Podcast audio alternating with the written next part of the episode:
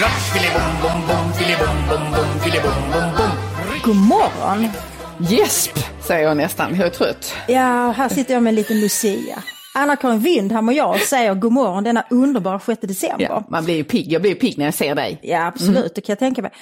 Nu ska du få öppna dagens lucka. Vad ser du bakom dagens lucka? Jag ser en långdans och det är sekelskifteskläder Oh. och det är vackra möbler, det är tända ljus. Och titta där, där dansar Jarl Kulle förbi i frack. Det är en scen ur Fanny och Alexander, julaftonsscenen. Ah, denna fantastiska jul. Ja, det är en utopi. Ja, jul. men det är det. Så dagens ord i vår kalender är utopi. En Var- dröm. Ja, varför har vi valt det i relation till jul? Ja, vi har ju rört, redan rört flera gånger vid att det finns många förväntningar, det finns drömmar, det Vi finns... pratade om stress igår. Ja, precis. Eh, och det där kolliderar ibland. Men någonstans präglas ju alla vårt, vår, vår, våra individuella bilder av vad julfirandet ska vara av en drömjul. Närmast en utopi av hur den här julen ska, ska bete sig. Eller te sig snarare.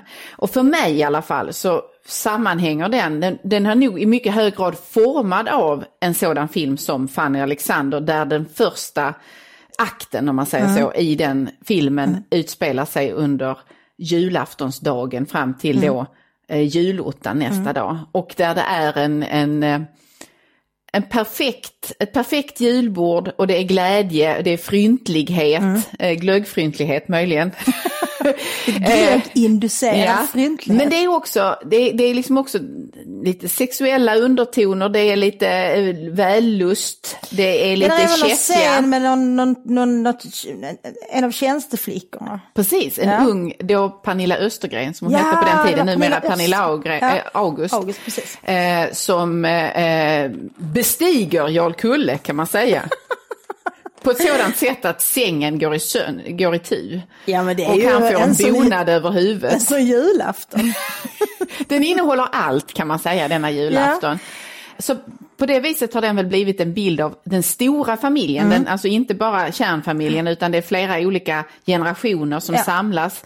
Det är också eh, vänner och bekanta som kommer Mm. dit. Eh, s- Vi talade ju om eh, mostrarna, det finns också den typen Ja. utav eh, personer som är inbjudna och insluts i den här gemenskapen. Tjänstefolket i den här högborgerliga familjen sitter också med Mm. Ja. och äter. Men apropå det finns det en jätterolig scen när tjänstefolket, eller eh, en av pigorna där säger Varför sitter vi här allesammans och ska äta ihop? Jag tycker inte att det passar sig. Nej, jag vet, det passar sig verkligen inte.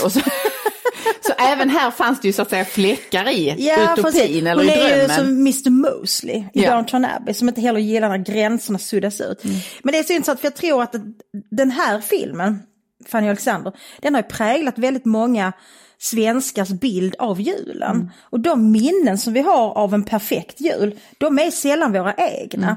Utan de har vi ju tillägnat oss genom populärkulturella föreställningar, film, eh, böcker, adventskalendrarna på tv och så vidare. För där är ju ofta klimax är ju julafton. Ja. Och i de mindre normkritiska versionerna av adventskalendrar så är det ju ett, ett firande. Ja, eh, så. precis. Så vi har ju ofta, vi bär ju på en del falska bilder av julen och hur den ska vara och firas och så vidare. Ja, Nej, men och det, det, det som illustreras här är ju också att det finns ju, det ligger ju hela tiden under ytan. I denna film, liksom i våra liv, så finns alltid oförrätter, konflikter, misstrivsel, vantrivsel eller ångest. Det finns ju under ytan också i denna bild av den perfekta julen. Men, men utopin är väl att man under några timmar ska klara ut att lägga locket på det, trycka undan det och bara existera i någon slags samförstånd då. Just det. Det, väldigt tänker jag är utopin liksom. Jo, men jag tänker det är en väldigt intressant analys för jag har ju funderat lite över varför Alltså det är ju lätt att på ett ytligt plan se varför just Fanny och Alexanderjul har blivit ett begrepp. Men när man säger Fanny och Alexanderjul så menar man ju inte det som du tar upp nu med de här konflikterna som puttrar under ytan. Nej. Det är otrohet och det är liksom missämja. Hämndgirighet. Det är dåliga finns- magar. Ja, det är dåliga magar. fiser där Det är inte det vi vill ha när vi pratar med Fanny Alexander gör. Att Börje Ahlstedt fiser vid julbordet. Det hoppar vi gärna över. Utan det vi ser framför oss är ju det här ytliga. Det är ju det som du beskrev. Det är långdansen, det är de ståtliga granarna, det fantastiska julbordet. Det är att det är många människor. Att det är en del av utopin också att det är många människor. Men utopin är ju exakt det som du säger nu. Att, att vi faktiskt under några timmar, kanske ett helt dygn, vi, lägger un- vi gräver, gräver ner stridsyxorna. Vi lägger undan detta. Vi pratar inte om politik. Eh, Vi tar inte upp gamla oförrätter utan nu är vi här. Nu är vi här. Nu Ja. dricker vi glögg och blir fryntliga. Och nu berömmer vi värdinnan oavsett Ja. om det är, eller hemmagjort, gjord eller köpt rödbetssallad. Ja precis, Ja. så säger vi att det här smakar väldigt bra.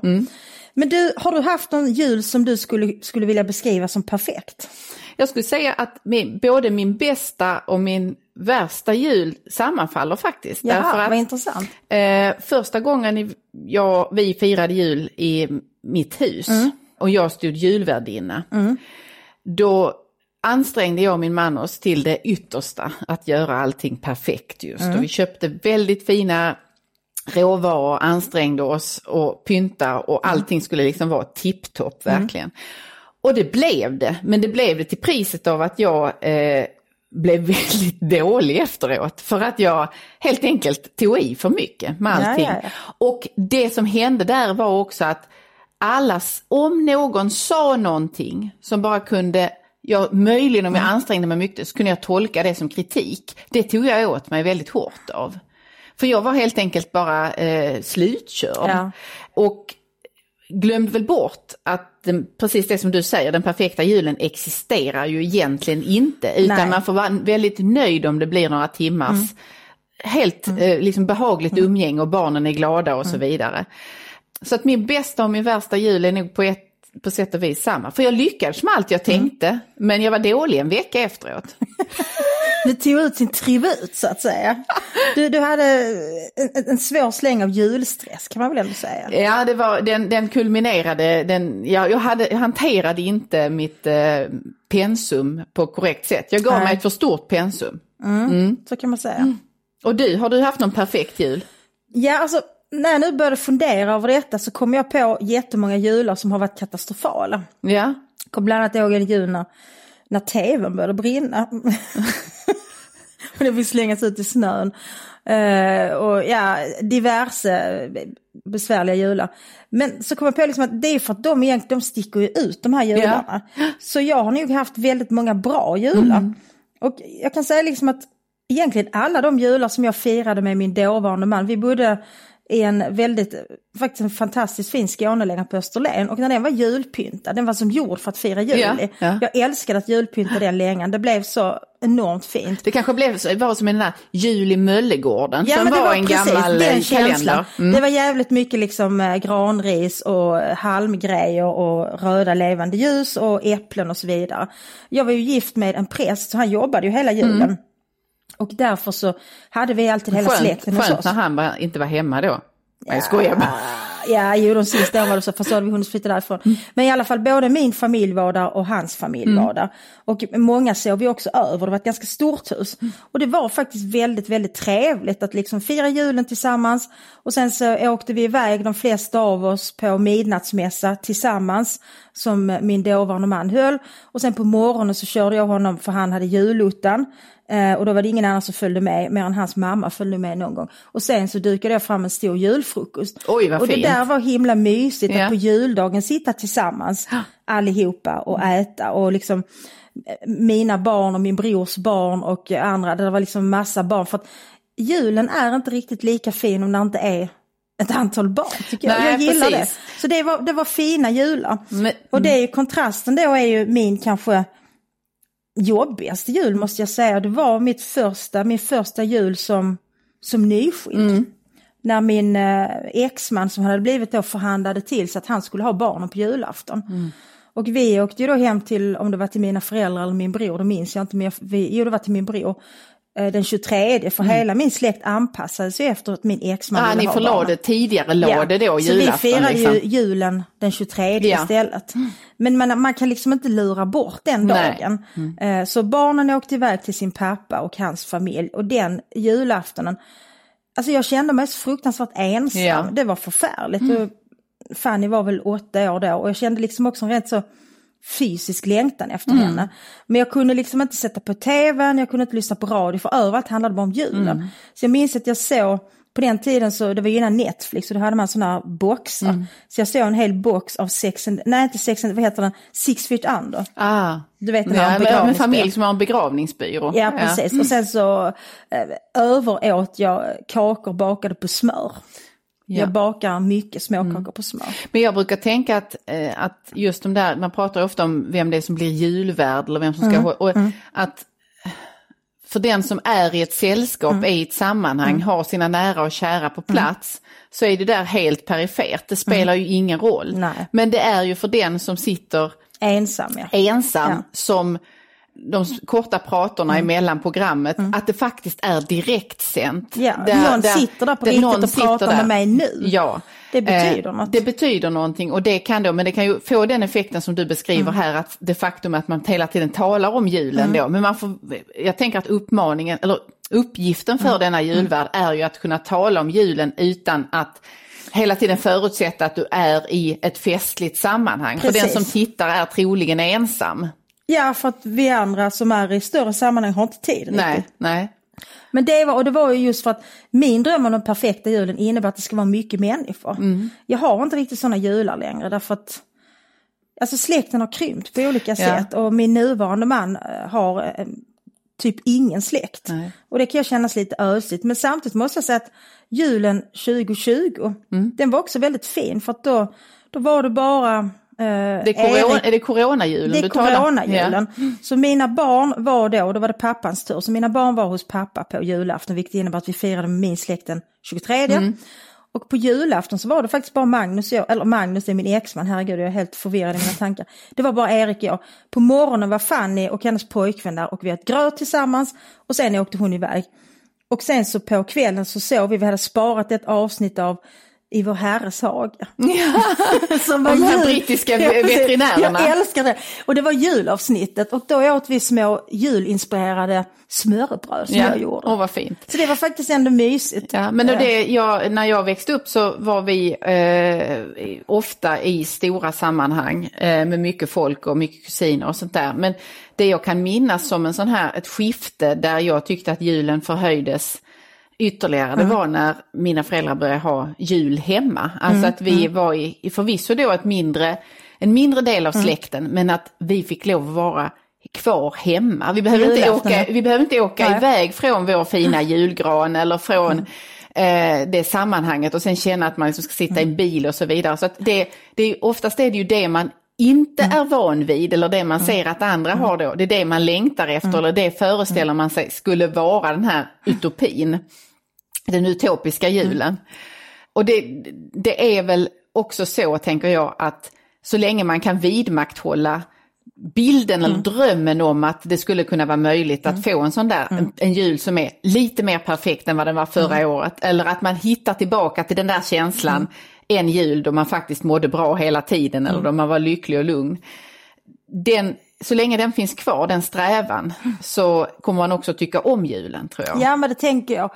Och jag tänker att, att liksom min lärdom av det här är att det viktigaste med julen det är faktiskt inte hur fina kakor jag gör eller vilka julklappar, det är människorna som jag har omkring mig. Att de är väldigt viktiga. Och att de beter sig. Ja, att de beter sig, inga sådana Börje Ahlstedts-fisar. Nej, men han gick ju ändå ut i trapphuset. Ja. Att, och han eh, hade problem med magen. Ja. Han kanske inte kan klandra människor för sina sjukdomar och han skötte det ju så gott han kunde. Får Ja, precis. säga. Nej, men det är väl också en del, man är, ska en, ut, en julutopi i alla fall till någon del kunna vara möjlig att omsätta i praktik, Mm. så förutsätter det att alla inbjudna sköter sig och lägger band på sig och inte kommenterar små detaljer som inte spelar roll om hundra år eller ens om, om fem minuter. Utan att man ser att här har alla ansträngt sig. Och Ja. ja, det, det, julfriden väl- beror också på mig. Ja, precis. Som man försöker dela en, en gemensam vision om, om den här utopiska julen. Mm. Vad nu den kan vara. Det finns en del människor som reser bort under julen. Har du gjort det någon gång? Nej, faktiskt inte. Men jag har tänkt att, för jag har sett sådana annonser där det finns till exempel man kan fira jul på Gry, Grythyttan. Ja. Och de brukar ofta i den typen av herrgårdsjul Mm. så används det referenser till just Fanny och Alexander, att man Ja. ser hur de försöker återskapa det. Carl-Johan Granqvist kommer att fisa tre gånger i, i höjd med Och gottebordet. sen kommer han att ligga sönder en säng med en av servitriserna. Ja, det är jag beredd att betala för. Ja. Har du någonsin legat sönder en säng? Det, var, nej, det, det har jag säkert. Men eh, nej, ja, jag har eh, gjort sönder en bäddsoffa. Tror jag faktiskt att jag har. På grund av sexuella aktiviteter? Nej, på grund av eh, missräkning på kroppsvikt. För det var det som min känsla var. För jag blev lite misslynt när du påminner mig om den scenen. Tänkte, jag har aldrig haft liksom så, så energiskt sex att sängen har gått sönder. Nej. Då tänker jag, kanske har man missat Men något. du har ju inte träffat Jarl Kulle. Du vet om att han kallades Jarl Knulle. Nej, Jo. men det är ju fruktansvärt. Ja, ja. Jag knulle. Men det kanske kan bli min vision om den här julen, att jag ska ligga sönder en säng. Ja. Nu Det- när jag inte har så det- många barn att ta hand om längre. Så man Är inte något- det en julutopi, så säg. Vilket innebär, det kommer inte hända. Nej. Men jag kan fortsätta att drömma om Ja, det. precis. Och sen så småningom när jag har blivit mycket gammal och väger kanske 150 kilo. Då kommer, Då det, kommer att det hända. hända. Men Håll drömmen levande säger vi. Exakt. Släpp inte dem. vi ses imorgon. Ja det gör vi. Ha det fint så länge. Hej då.